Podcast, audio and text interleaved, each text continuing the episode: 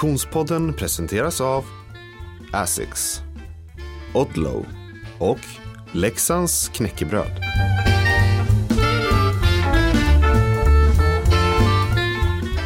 Hej och välkommen till Konditionspodden. Vi är framme vid avsnitt åtta denna nionde säsong och jag som pratar heter Frida Zetterström. Hej Oskar Olsson! Hej Frida! Det här är ju lite spännande.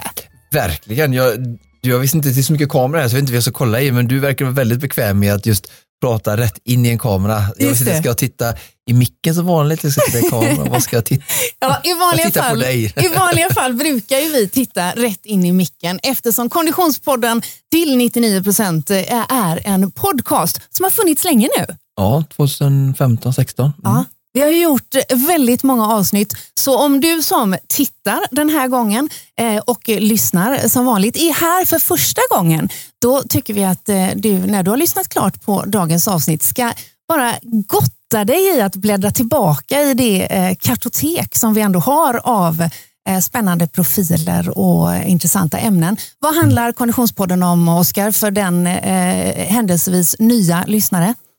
Ja, men eh, första ordet som kom var så här, kunskapsbank, Mm. eh, inspirationsbank, alltså med fokus då såklart på kondition som namnet förtäljer. Eh, det var lite det som var eh, tanken när vi startade och som det sedan vidare utvecklats. Och sen menar att vi också försökt vara lite mer eh, virala, på sätt, säga på det sättet att vi varit ute och försökt träffa lyssnarna på olika event och med våra partners och inte bara vara i studion utan även komma ut och testa produkter och ja, det vi vill vara en liten röst eh, och försöka förmedla som sagt kunskap kring kondition, träning och sen inspiration genom alla våra fantastiska gäster som vi haft genom åren och som inte minst sagt vi har idag bland annat och, och sådär. Så att eh, ja, Mm. eh, inspiration och kunskap hoppas vi, Mm. jag. Mm. Varmt välkommen till Konditionspodden. Alltså. Dagens avsnitt gästas av en, ja, man måste nog ändå säga superatlet som säger sig hata konditionsidrott. Vi är så himla glada att vi har med oss våra poddpartners under den här eh, säsongen. För utan eh, partners ingen podd, Oskar. Det stämmer. Mm. Och en av våra trogna partners är ju Odlow Ja. eh, som eh, påfallande ofta eh, eh, sitter på våra tränande kroppar. Ja. Så även den här hösten. Vi har en produktnyhet med oss in i studion. Precis, jag tog eh, med den idag. Det är inte alltid jag gör det. Jag brukar stanna hemma i mina garderober men nu när vi även har lite bild så tänkte jag att eh, det kan vara kul att ta med den och se lite hur den ser ut. Så Ja. de som väljer att titta på avsnittet med, med bild och inte bara lyssna. Jag ska berätta också för er som, som bara lyssnar såklart. Eh, nej men eh, Odlo som sagt, som är, är, nu till dag- vardags så på säga, eh, eh, har, har liksom allting inom sport egentligen, löpning, cykling, skidåkning och sådär. De eh, var, började ju ändå eh, med eh, underställ från början. Så de är ju lite pionjärerna, om man får säga så, i världen på just när det kommer till eh, underställ och är extremt duktiga och ligger i framkant i utvecklingen där. Och jag har ju haft, hemma nu har jag ju bara haft den här tunna eh, varianten som vi har pratat mycket om i tidigare avsnitt och sen de här lite tjockare. Eh, För det den som är- här känns ju... Ja, Ja, det här är en ny, ny grej då, en variant som är kan säga, en kombination av den varmare och den tunnare. Så det är mitt, lite mittemellan och eh, helt unik nu då med eh, kombination av polyester och då marinoull. Mm. För att ytterligare utveckla eh, plagget och just funktionen av det som du vill ha av ett underställ. Och eh, det du vill ha av ett underställ är ju att det ska kunna andas, Mm. vilket de möjliggör nu med de här olika panelerna och blandningen av material. Eh, och sen också eh, fukt management pratar de om, alltså eh, frukttransportör. Ja, precis. Mm. Och, och, och, alltså, förmågan att just eh, också kunna eh, alltså, ta hand om fukten på ett bra sätt så den ventileras och försvinner. För att du vill ju ha ett underställ som egentligen du kan svettas men utan att det blir blöt. För alla vet ju att understället blir sådär om du bara har bomull till exempel, liksom en gammal t-shirt eller något sånt där andra plagg, så, så blir det helt blött för du svettas och sen så blir du svinkall i slutet av passet. Liksom. Så att för all typ av egentligen utomhusaktivitet under höst, vinter, vår, så verkligen sånt där eh, multiplagg eh, som du vill ha liksom, oavsett egentligen aktivitet eh, och konditionsidrott. Så äh, jättespännande utveckling på underställsmarknaden och i det här fallet då från Odlo som, som verkligen brukar vara framkanten i de här. Mycket bra. Får vi se detta på dig när du tränar eh, under vintern? Ja, men för de som, som följer oss på sociala medier så, och vill ha det synligt eh, Ja. så kommer det säkert komma upp lite bilder. Härligt. Tack så mycket säger vi till Odlo.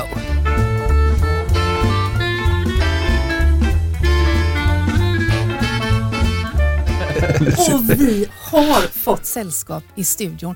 Finsällskap får man säga Oskar. Ja, alla mina hattar är avtagna. Alltså jag tror inte jag har liksom sett dig så här förväntansfull någon gång och då har vi ändå intervjuat många guldmedaljörer Ja. genom åren. Så är det. Hej och välkommen Nils van der Poel. Tack så hjärtligt. Hur är läget? Det är bra. Det är bra. Kul att vara här. Hur startar den här dagen för dig då? Jag eh, vaknade klockan sju och sen gick jag upp och eh, skulle föreläsa. Men så hade jag tagit fel på vilken eh, salong vi skulle vara i. Så då fick jag åka skoter genom eh, Göteborg och ta mig rätt. Men det funkade fint. Jag föreläste morse och sen så hade jag en lunch med en eh, vän. Härligt. Mm. Vi är väldigt glada att du hittade in i rätt poddstudio. Mycket kameror här inne idag du. Ja, verkligen. Här har ni lyckats med inredningen. Det är för att ni som lyssnar och tittar ska få hela bilden. Eh, Nils, hela bilden av eh, din träningskarriär och tävlingskarriär, den har vi ju liksom fått höra i ganska många forum sen du bestämde dig för att, och, och, eh, lägga skridskorna på hyllan. Men jag tänker ändå att för Konditionspoddens räkning så vill vi flytta tillbaka till Trollhättan där det startade, där din träningspassion föddes. Hur kommer det sig att det blev skridskor? Jag var väldigt idrottsintresserad. Jag var ung. Och egentligen oavsett idrott så tyckte jag att det var väldigt roligt. Alltså, jag hoppade höjdhopp och spelade fotboll och bandy och så vidare. Uh, men eh, det som jag tror var viktigt för mig var att bli duktig idrottare snarare än att det var viktigt att bli duktig skridskoåkare eller en duktig bandspelare. Och inom skridskoklubben Trollhättan så fanns det redan då en ganska tydlig elitambition från en ganska ung ålder. Eh, kanske än mer då än vad det finns idag. Och det passade mig. Det var på det sättet som jag ville bedriva min idrott. Mm. Så, Hur, hur föddes den, hur fick du den idén? Var det någonting, hade du sett på tv? Hade du en förebild hemma? Eller liksom, hur kom ja, den? det där. Nej men generellt så tror jag, alltså allt jag gjorde var idrott. Det Mm. var så här, jag tränade ju liksom fem gånger i veckan från att jag var liten, för att det Mm. var skoj och jag tyckte om det. Mm. Eh, och eh, på fritiden så kollade jag på idrott eller var på liksom, skridskobanan och spelade bandy eller spelade fotboll på lekplatsen. Eller, det, var det, det var ju liksom mitt liv. Det känns ganska unikt och, och att komma till den insikten ganska tidigt eh, till att liksom, jag vill verkligen bli leva för det, ser det som en yrke nästan. Liksom. Ja, Många säger brandman och Nils säger jag vill bli elitidrottare. ja men jag sa brandman också i några år, men jag, Ah. alltså, jag, jag vet inte ifall det var så himla unikt. Alltså, nej, nej. jag, jag kanske var unik i mitt sätt att faktiskt försöka leva ut det. Mm. Men jag tänker att de flesta tioåringar vill bli fotbollsproffs. Ja. Mm. Och de flesta ska bli både fotbollsproffs och hockeyproffs. Just det. Men skillnaden tänker jag på det är att de många tioåringar som vill bli fotbollsproffs, de vill ju kanske det för att fotboll är socialt eh, vedertaget och man, man vill tillhöra den kulturen. Mm. Du har ju pratat ganska mycket om att det du ville var att bli bäst som atlet, lite oavsett sport. Det är ju andra drivkrafter tänker jag. Ja, det tycker Ja, är det det? Jag tänker att det fortfarande är någon form av idolisering av eh, prispallen och Ja. sportsliga Ja, Var det det som framgångar. drog? Jag som ung tror jag var det, absolut. Eh, ja, som ung, definitivt. Okej, men du, du eh, fick upp ögonen då för att skridskoklubben, eh, där fick man elitsatsa tidigt. Eh, och, och, när fick du en känsla för att du faktiskt skulle kunna bli riktigt bra på det? Bra fråga alltså. Ehm, jag brukar väl säga att jag fick en uttalad ambition någon gång när jag var 11 kanske. Mm. Att säga, jag ska försöka bli duktig, det är skridskor jag ska försöka bli duktig på och jag ska verkligen försöka. Ehm, och sen kanske jag var... Alltså jag blev ju lite bättre för varje år som gick. Och det var ju bra. Men jag hade ett ganska dåligt utgångsläge. Jag var ganska kortväxt och liksom sådär när jag var ung tonåring. Jag kom in ganska sent i puber- puberteten och så. Ehm, men eh, säg att jag var 14-15 när jag började få några framgångar som ändå var så här på något sätt indikerar att jag kanske kan bli duktig på det. Mm. Eh, Men de första åren var det ju mer kulturen som drev mig än mina egna resultat, skulle jag säga. att jag befann mig i sammanhanget och att i det sammanhanget var det vedertaget att försöka anstränga sig. Och jag ville vara duktig så jag ansträngde mig. Hur, hur var kulturen där i Trollhättan i de här typiska idrottshallarna? Hängde liksom Thomas Gustafssons eh, planscher överallt inne i lokalen och liksom var hans eh, OS-guld från 88 hade satt kulturen eller liksom vad, vad var kulturen som ändå var positiv som förde fram dig eh, bland annat? Liksom? Ehm, det, var, det, var, det här är innan man bygger Slättbergshallen, då var det Slättbergsbanan, då åkte vi Okej. utomhus. Ja, det är hårt. Ja, men det var hårdare än det vi gör idag. Då. Ja. Det fanns, det var en liten klubblokal med en massa gamla läderskridskor som ingen använde för att de var så utdaterade. Ja, sånt är ju härligt. Men det prydde en vägg i alla fall. Ja. Ehm, och sen så fanns det en dam som hette Berit som eh, Ja. gav en saft och kakor efter träningspassen. Bra. Eh, och eh, där satt alla oavsett ifall man var eh, liksom helt första dagen man var där, om man var liksom 70 eller ifall man var 10 och alla däremellan satt i samma lokal och drack samma saft. Då. Man välja om man vill ha röd eller gul saft, varm eller kall. Uh, och så kan man ha två kakor också. Jag tror, jag snackade med en kompis som fortfarande håller på. Uh, han sa så här, jag är helt säker på att jag fortsätter åka för kakorna. Och jag tror att det var en ganska stor anledning till varför jag kom tillbaka till den där skridskoträningen också. Men uh, jag, jag, jag gillade, jag tror jag gillade den, ja men just den grejen tror jag var viktig för mig. Att så här, jag fick umgås med folk som var lite äldre än vad jag var, det tyckte jag var Mm. spännande. Mm. Har du sparring där också, i lite äldre folk? Ja, absolut, verkligen. Eh, Något fram- att jaga? Mm. Ja, väldigt mycket så. Jag kanske jagar lite för mycket ibland. Mm. Mm. Eh, både f- liksom sociala, att jag var nog lite jobbig emellanåt för att jag jagar dem så mycket. Mm. Eh, Men kanske också för min egen utvecklings skull. Liksom. Mm. Eh, och ja, Men det här är ju någonstans kring, vi pratar i, i runda slängar 2010 någonstans eller? Ehm, ja kanske lite vi- tidigare. Ja. Ja, lite Men tidigare. någonstans, mellan 06 kanske börjar och så. Ja. Ja, och, och jag tänker, då är, befinner vi oss i en värld där sociala medier inte har gjort intåg i ungdomars liv ännu. Om vi gör tankeexperimentet att sociala medier skulle ha funnits, skulle valet mellan liksom röd och gul saft eller kakorna som Berit serverar, skulle det ha varit nog tror du? Eller tror du att om, om vi tar liksom att, att eh, Snapchat hade kallat på uppmärksamheten, vad hade förändrats då? Mm. Det är en spännande fråga. Det känns som något mer avskalat då.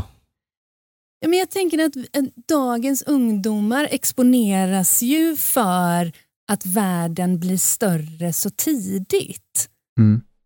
Mycket av det du har pratat om tidigare, när du pratat om din träningshistoria och bara det vi hör nu, bygger ju på att det var för att få de där saft och kakorna som man stannade. Jag förstår ju att det naturligtvis är en förenkling, men förstår du vad jag är ute efter? Ja, Vad- jag förstår vad du är ute efter. Du tänker att Nej, men jag den, alltså det, det, är liksom det, det lilla intima rummet inte längre värdesätts. Inte riktigt Exakt så. kanske. Och ja, det, det, det ställer andra krav och andra förutsättningar och, och man får också andra eh, möjligheter. Jag vet att när vi gjorde samtalet med Sara Sjöström så pratade hon väldigt mycket om att eh, ansvaret som följer eh, som atlet med, med sociala medier påverkar ju henne eh, idag naturligtvis men att hon, hon reflekterade kring hur det hade varit om det hade funnits när hon var liten och satsade. Mm. Eh, På vilket sätt tror du att det skulle påverka henne? Ja, det vågar jag inte svara på. Vi får lyssna, vi får lyssna Ja, på det avsnittet, ja, för det kommer jag faktiskt inte ihåg exakt vad. Men jag vet bara att hon reflekterade kring att pressen och förväntan som följer med att också hålla ett eh, sociala mediekonto uppdaterat och, och visa sin vardag som man ändå gör i, i mångt och mycket genom eh, eh, kamerorna och sociala medier. Eh, det hade man ju faktiskt inte då, 2006 eller 2010 i det där rummet där alla satt oavsett ålder eller i skridskobanan. Jag har ju alltid varit ganska dålig på eh, sociala medier. Generellt genom min idrottskarriär. Mina sponsorer var ofta så här, bara, du måste, du måste börja. Och jag bara, nej jag är helt ointresserad av det. Eh, och sen nu till slut så började jag lite grann. De, har, de hade ju hela tiden rätt. Liksom. Det är klart jag ska hålla på med det. Det var idiotiskt av mig att inte göra det. Men eh, jag var aldrig så, det triggade liksom inte mig. Nej. Och jag skaffade Instagram 2021 tror jag. Då Mm. skaffade jag Instagram. Eh, och när jag var liten, det fanns något som hette bilddagboken som folk på med. Mm. Kommer du ihåg det? Ja. Det var, jag var liksom aldrig intresserad av det. Jag vet inte Mm. varför riktigt, men jag, jag var inte det. Så jag har alltid varit ganska ointresserad av ja, den typen av plattform egentligen. Jag uppskattar alla chatttjänster och så här. Jag tycker det är superbra att hålla kontakt med men istället att dela med mig av. Men då kanske vi kan konstatera att eh, då, då hade det kanske inte gjort så stor skillnad för dig. Då hade kanske, Ja, Eh, kanske. Det är svårt att säga, men nej. kanske. det är en hypotetisk fråga, men om vi eh, backar tillbaka till verkligheten istället. Vi glömmer den eh, eventuella i- inflytande som sociala medier kunde haft. Eh, hur såg träningen ut för dig då när du var där i vad, 13-14 års åldern? Hur mycket träning var det? Jag vet ju att, eller vi vet ju alla som har lyssnat på intervjuer att du har, eh, hade en aversion mot kondition. Konditionsidrott. ja, men jag, jag, jag tyckte att det var jobbigt. Det gillade jag inte. Var, eh, men eh, jag tror också det var grejen att så här, om jag ville bli duktig idrottsman så var den elitmiljön jag såg framför mig eller befann mig i, det var det skridskoåkningen. Mm. Och då råkade det vara så att man behövde hantera att det gör ont. Så då var det bara att sucka upp och göra det. Um, och det är jag glad att jag gjorde såklart, för att jag blev ju den jag blev tack vare det. Men eh, jag, under många år så hade jag ju svårt med självbilden att jag hade valt att ägna mitt liv åt någonting som var så pass jobbigt. Mm. Aha, spännande. Det var jättesvårt att liksom, för ganska ofta vill man det inte. Alltså någonstans så Mm. disciplinerar man ju sig själv och inte bli så känslostyrd. Men som ja, men, ung kanske framförallt då, när man inte var, jag inte var lika disciplinerad, så ja, men då var det lättare att under träningspass kunde säga på riktigt, jag skiter i skridskor nu. Jag hatar det här, det är så fruktansvärt jobbigt. Sista gången jag är ute och cyklar, aldrig mer. Och så kom man hem och så bara, ja, ja, jag kör väl imorgon då. Och det var ju svårt att förhålla sig till, Mm. att jag ofta inte ville det här. Och sen samtidigt hade jag investerat hela mitt liv i det, eller stora delar av mitt liv. Ehm, och det var ju en mental stress att, att hantera. Ehm, men successivt så tror jag att jag i konditionsmiljön fick mycket förebilder som hade ett sunt synsätt till det där. Och uppskattade utmaningen i det. Så vikten av förebilder återigen. Ja, verkligen. Mm. Vad var det som gjorde att du i unga år ändå inte lyssnade på rösten som sa nej jag hatar det här, jag skiter i det nu. Vilket ändå 99% av oss alla andra gör. Lyssna på den rösten i just träningsfrågan. Sen kanske man följer den där eh, starka drivkraften att fortsätta med pianolektionerna eller med eh, eh, sina studier på eh, högskolan eller vad det nu är som också kan vara tråkigt. Men vad var det som gjorde att du fortsatte med träningen som du faktiskt inte tyckte var rolig? Eh, jag måste säga att jag tyckte att det var roligt väldigt ofta, men eh, inte alltid. Eh, jag, jag tror att det var väldigt självbildsdrivet. Eh, att jag dels hade någon självbild av att jag ska vara en person som kan hantera sådana här saker. Eh, men också att mitt mål låg inom den verksamheten. Jag var inte intresserad av att bli en duktig pianist eller eh, civilingenjör eller jag skulle bli idrottsman. Ja. Och då, då fick man göra det här. Vet du, om vi flyttar fram lite då i den här heter det, kronologiska ordningen och så nästa upp känns som efter du haft med åren, kulturen har fötts dig i Trollhättan positivt, många bra förebilder, lite folk som var äldre som drev på farten runt, runt rinken och sen 2012, 17 år, VM på junior, junior-VM, guldmedalj Mm, 2014. Amen. 2014. Mm. Ja. Och då, eh, då är du den här eh, idrotts, eh, vet du det, mannen som du hela tiden liksom har velat och sen, vad, vad, vad, det måste ha varit eh, just då kanske en, en eh, otrolig känsla eller hur? Liksom. Ja, ja, absolut. Att Vinna junior-VM där, eh, framförallt första gången, eh, 2014, det var ju ball alltså. Det var ju ett, ett av de stora pikarna i min karriär skulle jag säga.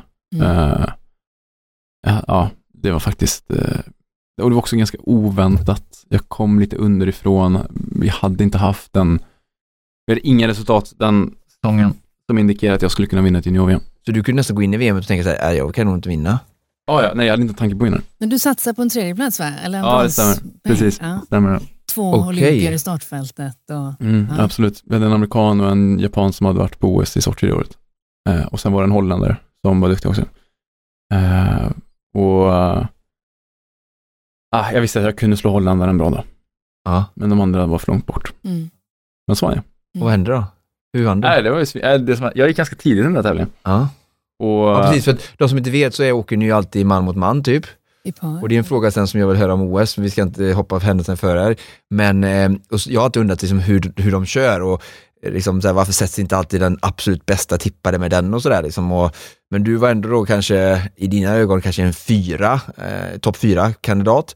Eller trea i bästa fall om du slog holländaren. Men så är det ändå får du gå tidigt och så mot en helt annan. Liksom. Eh, Mm. Ni går 2-2, hur, hur funkar det? där? Hur bestäms det? Och, ja, det finns vissa rankinggrupper då, som baseras på vissa särskilda tävlingar. Mm. Och eh, ibland baseras det på personliga rekord i yngre år då kanske mer. Mm. Eh, och sen har man inom de olika rankinggrupperna så lottas det. Mm. Så på OS tror jag att man har 5000 meter, tror att man är sex personer i varje lottningsgrupp. Eh, så tar du egentligen topp sex på ranking och eh, sen kan du gå mot vem som helst av dem då. Mm. Då kan det bli så att den bästa går trea från slutet och att de andra kommer efter. Så det är ju lite, ja det är ett lotteri helt enkelt. Mm. Och det som sker på junior-VM det är att jag inte tävlar så mycket på snabba banor. Vilket gör att jag har en ganska dålig ranking jämfört med Ah, hur min kapacitet var. ja, Mm. förstår. Så därför får jag gå Tidigt. tidigt. Liksom. Och, eh, ja. och hur påverkar det? Eh, Sätter skräck om. De blir nervösa. Exakt, faktiskt, de sa det. Eh, holländarna som var med, det var två Ja. holländare i startfältet. Mm. De sa att de hade suttit i omklädningsrummet när jag körde. Mm. Alltså fått eh, varvtiderna i högtalarna Just när det. vi gick in där. Och jag kommer inte ihåg exakt, men jag tror varvtiden låg på 32 sekunder typ. Mm. Då hör, de hör sig bara, 32 en. De bara, fan det är bra. Bara, 32, gjorde han en till? S- Snart kommer han Ja, ta. men liksom, det, var, verkligen så. De bara satt där bara, Det kommer inte. bara sitter och kollar på varandra. Det här ska vi inte och slå, det här är bra liksom. Ja. Så det var, aj, så det var en liten poäng. Men det finns också en väldig styrka i att gå eh, mot slutet på tävlingarna. Mm. Och det var det vi föredrog de sista åren. För att då, då har du alla tider att gå på och då vet Mm. du att så här, om du är sista par, vinner jag paret eller åker på gällande ledartid, Mm. då vinner jag tävlingen. Just det. Och mycket handlar ju om att portionera ut sina krafter rätt. Att inte spränga sig själv, men att gå så nära gränsen man bara kan då. Liksom. Mm. Och då vet, vet du att ja, men jag behöver inte åka snabbare än 6.10 för att vinna den här tävlingen. Ja, men då siktar du inte på att göra 6.05, utan då siktar, siktar du på 6.09 Mm. och sen så har du kapacitet sista tre. Då kanske du gör 6.07 då. Just det. För om du siktar på 6.05 då kanske du går över gränsen, spränger dig själv och så slutar du på 6.15 istället och så har du Mm. förlorat. Och det är alltid lite svårt att veta hur snabb är isen, hur bra är min form. Och där blir man bättre på när man håller på. Men eh, det är ju alltid ett, eh, alltid ett gissningsspel Mm. att förutse hur snabbt man orkar gå. Mm. Ehm, och därav kan det vara skönt att gå på slut. Hur viktigt är det vem man är i par med, åker mot? Eller inte par med, par Mm. mot möjligtvis. Mm. Hur viktigt är det? Normalt sett inte jätteavgörande, skulle jag säga. Och framförallt om du också är van att träna mycket på egen hand. Mm. Som svensk, jag hade ju ingen träningsgrupp sådär, utan jag var ju van vid det. Så jag hade ju lärt mig att få pusha mig själv då. Andra skridskoåkare är lite mer vana vid matchningen, att verkligen ha någonting. Antingen då en tid eller en parkamrat. Det som kan ske är att vi växlar ju bana en gång varje varv. Mm. Varför? För att det ska bli jämnt ja. Ja, men precis. Mm. Vi har en inkurva, en nyttkurva. ja. Och eh, på den växlingsrakan, har du tur så att den du kör med växlar precis framför dig, då får du ju lite vindsug där, som draft då. Mm. Eh, och då kan du ju få 80 meter där Mm. du får ligga i ryggen Mm. Och vila lite grann då. Och får du några sådana på ett lopp så det är ju någon tiondel Mm. per raka då. Mm. Och eh, får du många sådana, dels får du vila lite grann och så kanske du går lite snabbare också. Det kan ju avgöra lopp, absolut. Men generellt inte jättestor inverkan vem du går på. Men man kan ha en viss nytta det. Jag tänker så här att eh, för det känns också så här, du pr- det baseras på ranking och så sa du så här, vad valde vi att eh, vi går senare i loppen? Det är precis som att det lät som att ni kunde välja det själva, men då tänker jag då måste du ha tävlat eh, för att få en ranking för att kunna välja den strategin att gå senare lopp Mm. senare. Eh, och sen tänker jag så här, ur en sportslig Eh, vet du, jag har varit med i idrotter, multisporter mycket och vi har pratat mycket om att höja sportens ja, eh, alltså, intresse och så då. Mm. Hade man inte velat ha, liksom, jag tänker så här, då, jag vet ju vem som var ett och två utan att gå händelser förväg nu i OS då, liksom. Var det, jag, jag tänkte att det var givet som utifrån sport, så här, de två, de ska gå sist mot varandra, head to head. Vi vill ha de två Det hade varit mycket mer dramaturgiskt Ja, ja, ja, lyckat. ja, ja. Men, men hur går snacket? Är, är det, det är ingen som vill det eller vågar inte atleterna eller vill man inte ha det så? Eller, Jag tänkte ur tittarens synpunkt Mm. eller spänning? Eller? Ehm, Det var ju spännande ändå för man hade ju tid när du gick mot bara, ah, det liksom, hans varvtid var detta. Så kommentatorerna gjorde det spännande under OS ändå men hur Det som sker sport? på... eh, Sporten tänker ju så som du resonerar. Okej. Man tänker Okej. så. Ja, Eh, mm. vi vet inte vi som är bakom. Eh, Men, och det är det som är tanken med de här lottningsgrupperna egentligen. Och anledningen till att man har lottningsgrupperna är för att man vill ha en viss variation. Låt säga Mm. att det är två som är bäst. Mm. Ja, men du vill inte se samma skridskolopp varje söndag, Nej. utan du vill se lite Ja, olika. ja, ja, Eh, Så därav lottar man då några ja, ja. sådär. Men det som sker på OS och anledningen till varför Patrik då som Ja. slutar på andra platsen går så pass tidigt, det är för att hela upplägget, det var fyra kvaltävlingar. Mm. Och rankingen baseras på ta- totalresultatet av Mm. de fyra tävlingarna. Ja. Om man ska vara i form i februari, Mm. då gör man ju klokt i att inte tävla november, december och januari. Mm. Det fick ju skidlandslaget lära sig i vintras att det var en dålig idé. Ah, smart. Det har ju varit allmänt känt i skridsko under en väldigt lång tid att det är så. Men du känner att andra idrotter inte riktigt fattar det? Eh, nu tror jag att de har lärt sig. Ja, ja, okej. Ja. 2022. Ja. Aha. Eh, och det gör att man väljer att stå över tävlingen. Ja. Så vi gjorde en normal säsong, tre tävlingar på eh, liksom hösten innan nyår Ja. och sen kanske en i januari ja. Och Patrik? och sen mästerskap i februari. Eh, det Patrik väljer att göra är typ en tweak på det. Ja. Man kan säga att Holland har, eh, de har ju uttagningstävlingar till världscuper. Vilket gör att de först har, och världscuperna sen då, är kvalet till OS. Så då har de först eh, holländska kval till världscup, en tävling, eh, fyra världscuper och sen holländska kval till OS. Och sedan OS. Vi slipper ju två tävlingar där, för att vi Just har det. inga svenska kval. Eh, och det gör ju att han får sex tävlingar och jag får fyra. Då väljer han bort en världscup. Då har han fem tävlingar och jag fyra. Jag hade egentligen också velat bort en världscup. Då hade jag haft tre tävlingar. Mm. Då hade jag haft ännu mer tid att träna. Om jag väljer att göra så, så kommer jag få en sämre lottning på OS. Och då, vi har en ny arena på OS som vi inte vet hur snabb den är. Och ja, men det kan avgöra liksom. Mm. Och då säger vi så här, "Nej, men då offrar vi lite träningsmängd och gör en till världscuptävling för att se till att vi är bäst rankade på OS. Ah. Sen är det inte säkert att vi får gå i sista par ändå. Vi kan lotta Ja, men det är ändå spännande att i- höra Ja, de här ja, ja, grejerna ja. bakifrån, alltså, Ja. så folk fattar. Liksom, vi ska prata lite om träningen sen och så här, men hur, hur tidigt vissa saker liksom börjar så långt innan och att, hur det är flera saker mer än bara vilken skena på skridsko har jag och hur många timmar jag har tränat. Alltså, det är Mm. så många andra spännande faktorer. Ja, ja. Och, och, och det där är ju ett pussel ja, liksom. jag fattar det. och det där är ju verkligen så här, vi vet inte svaret, men vi tror det blir bäst om vi gör så här. Ja, mm. Och sen så får vi leva med konsekvenserna av det. Lite spela på hästar. Var du intresserad av det här pusslet tidigt? Alltså allt runt omkring? Skridsko kanske är mer Mm. mäckigt pussel än vad folk tror. Alltså jag tror jämfört med många andra idrotter så är det inte så mycket. Jämfört Nej. med till exempel skidor. Mm. som har väldigt mycket Ja, material och Ja, ja, olika. valla och så vidare. Eh, så vi, Struktur har jag fått lära mig mycket om. struktur. Det är viktigare än vallan. Men eh, jag tror ju, för mig, för mig var det så här, jag fick, jag, fick, jag fick kämpa rätt mycket för att eh, bli en duktig skridskoåkare och ibland så kämpar man genom att ha ont. Och man vill ju inte ha ont i onödan. Nej, vem vill Så det? jag kände ganska tidigt ett ansvar mot mig själv att förstå varför gör jag allt det här Mm. och hur kan jag göra det bättre. Ehm, för jag lägger mycket av mitt liv här. Ja. Så för, från mig fanns ett stort intresse tidigt. Det verkar inte vara unisont i branschen att det är så.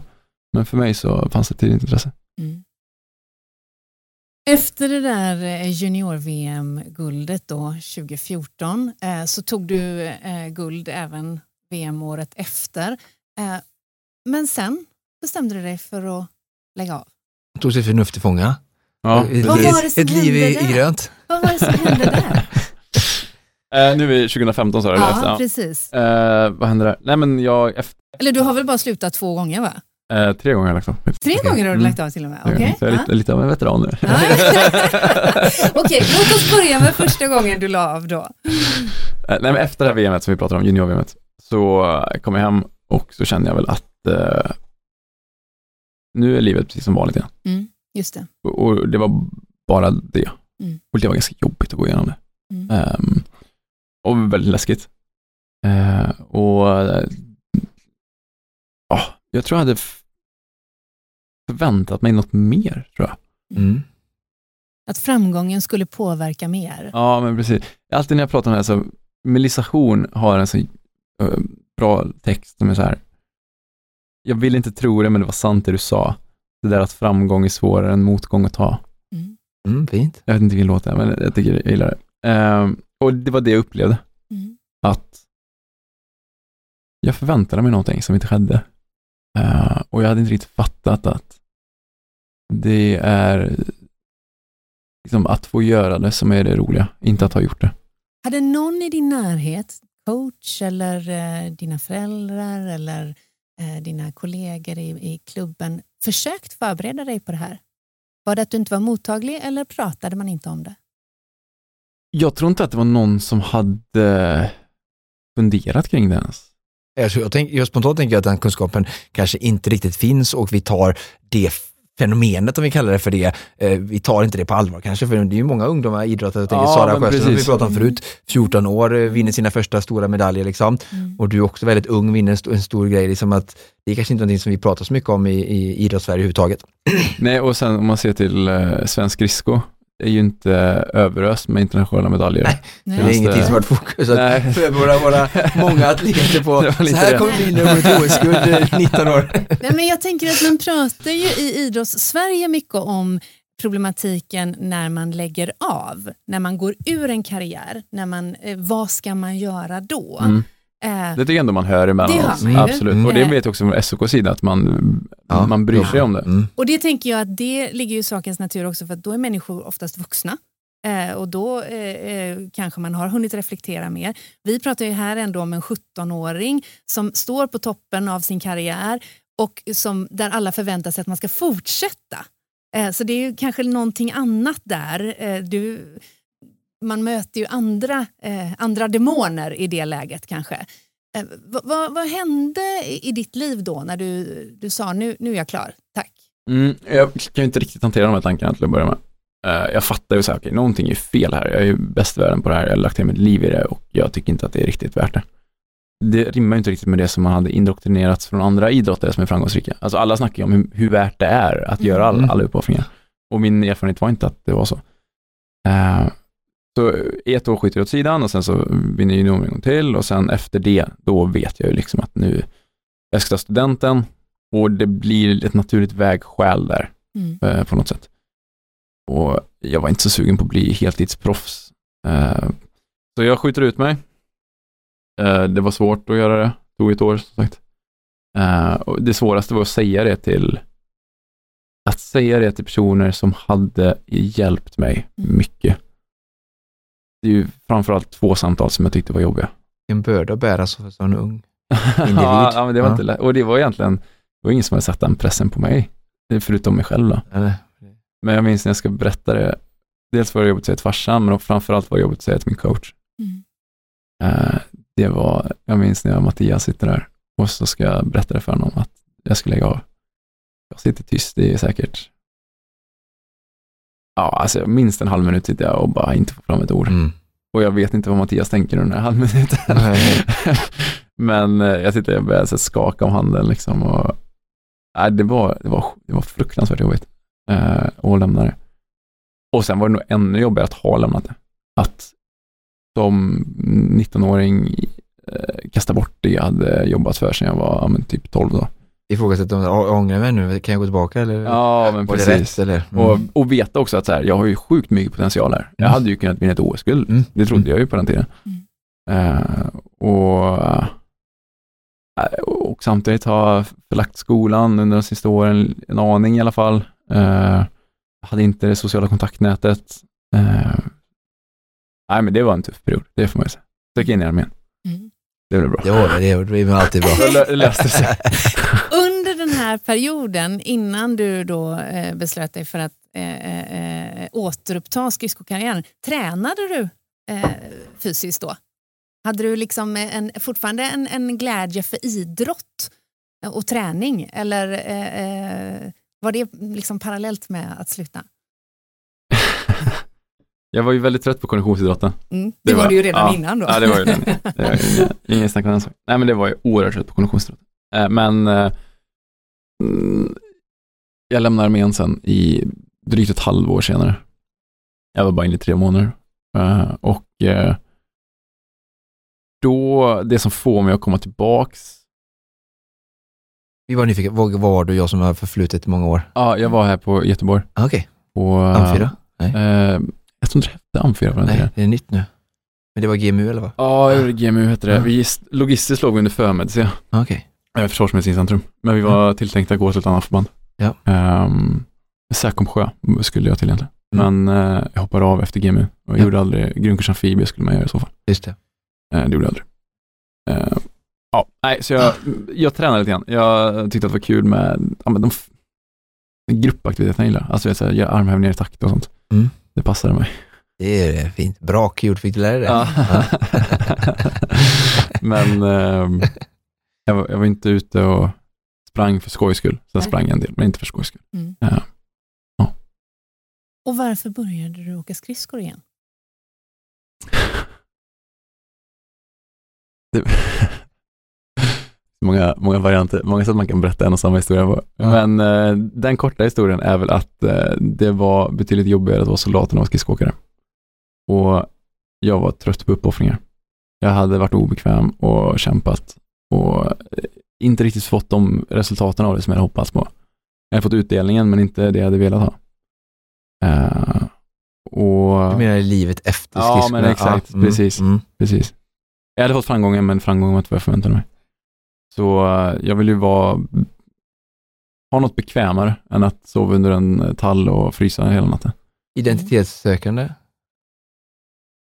Eller bara som du säger, eh, ha brödfödan liksom. Alltså, jag kan Jag, tänka att många, det vara lätt och ibland kan jag tänka jag, jag brukar oftast utmana människor i min närhet eller överhuvudtaget i min sätt att prata så att är du säker på att du är på rätt plats? Mm. För jag kan uppleva att många människor stannar kvar på arbetsplatser eller relationer av, av egentligen av bekvämlighet. Alltså Mm. vi människor, är- mig själv inräknad, är ju bekväma det är så liksom. Så det kanske var, det var ju, kändes ju lätt att falla tillbaka till du, du, du kunde till, men nu så här i efterhand så är det svårt att kalla dig för bekväm.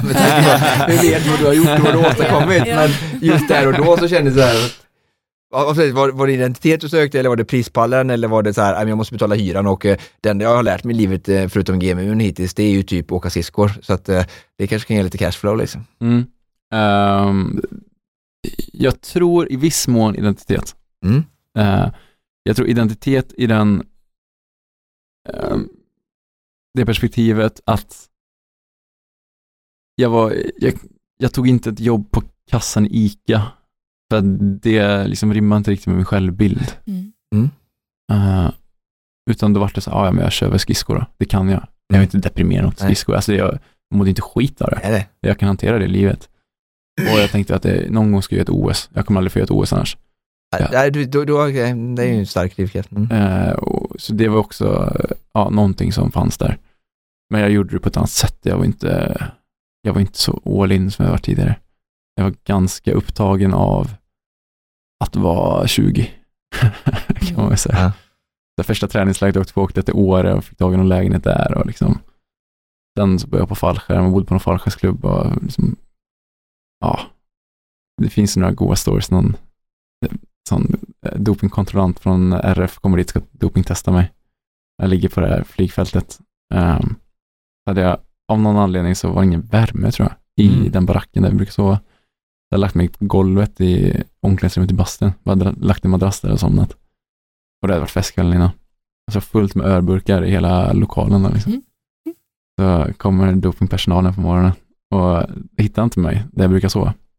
De bara, "Ah, vart är du någonstans? Jag bara, "Ah, jag kan gå ut och möta er. Och det får man inte. Man ska ju vara där man är. Ja, just det. Nej, du får inte gå någonstans. Jag, bara, "Hepp." Så jag ligger kvar där på den här madrassen på golvet i det här sunkiga omklädningsrummet. Så bara guidar dem i telefon tills de kommer dit. Så bara, ja, den grova byggnaden. Ja, bra, det är en svart dörr, ska gå in i den. Ja, den kan jag gå in i. Så bara, hej. ligger där liksom. De bara, kollar på mig. Sen så går vi in i, i köket som också var en bar eh, och gör den här dopkontrollen. Och där är det bara ölburkar överallt. Eh, och sen eh, tänker jag lite högt för mig själv efter kontrollen är genomförd. Där, ja, Man blev väckt ganska tidigt, vid sex tror jag var. Så, kanske ska jag starta dagen nu eller ska somna om eller ah, jag, jag drar igång. Kanske skulle käka frukost, något sånt där resonerar jag. Liksom. Mm. Och den här eh, tjejen som har varit med på dopingkontrollen, hon bara, ja det är väldigt bra att käka frukost, frukost är bra, det är bra. Så försöker hon ta hand om mig som någon mamma. Liksom. Hon bara, varför, varför, dopningstestar vi den här halvsupna fallskärmshopparen liksom? Håller han på Han har ingen framtid ändå. Ja men det var verkligen så. Och sen så, typ ett halvår senare så har eh, SOK pre-camp på någon varm medelhavsö eh, till alla tilltänkt olympier. Så åker vi ner dit. Och så möter jag den här damen i korridoren på hotellet. jag har aldrig sett någon så förvånad i hela sitt liv. Det är du! Man Jag minns den svarta dörren.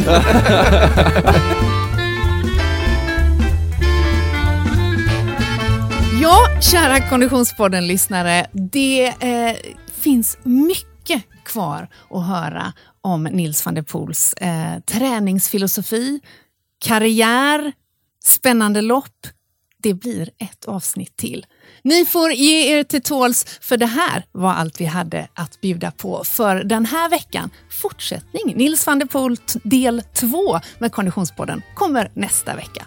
Precis som vanligt produceras Konditionspodden av Fredag. Connect Brands with People.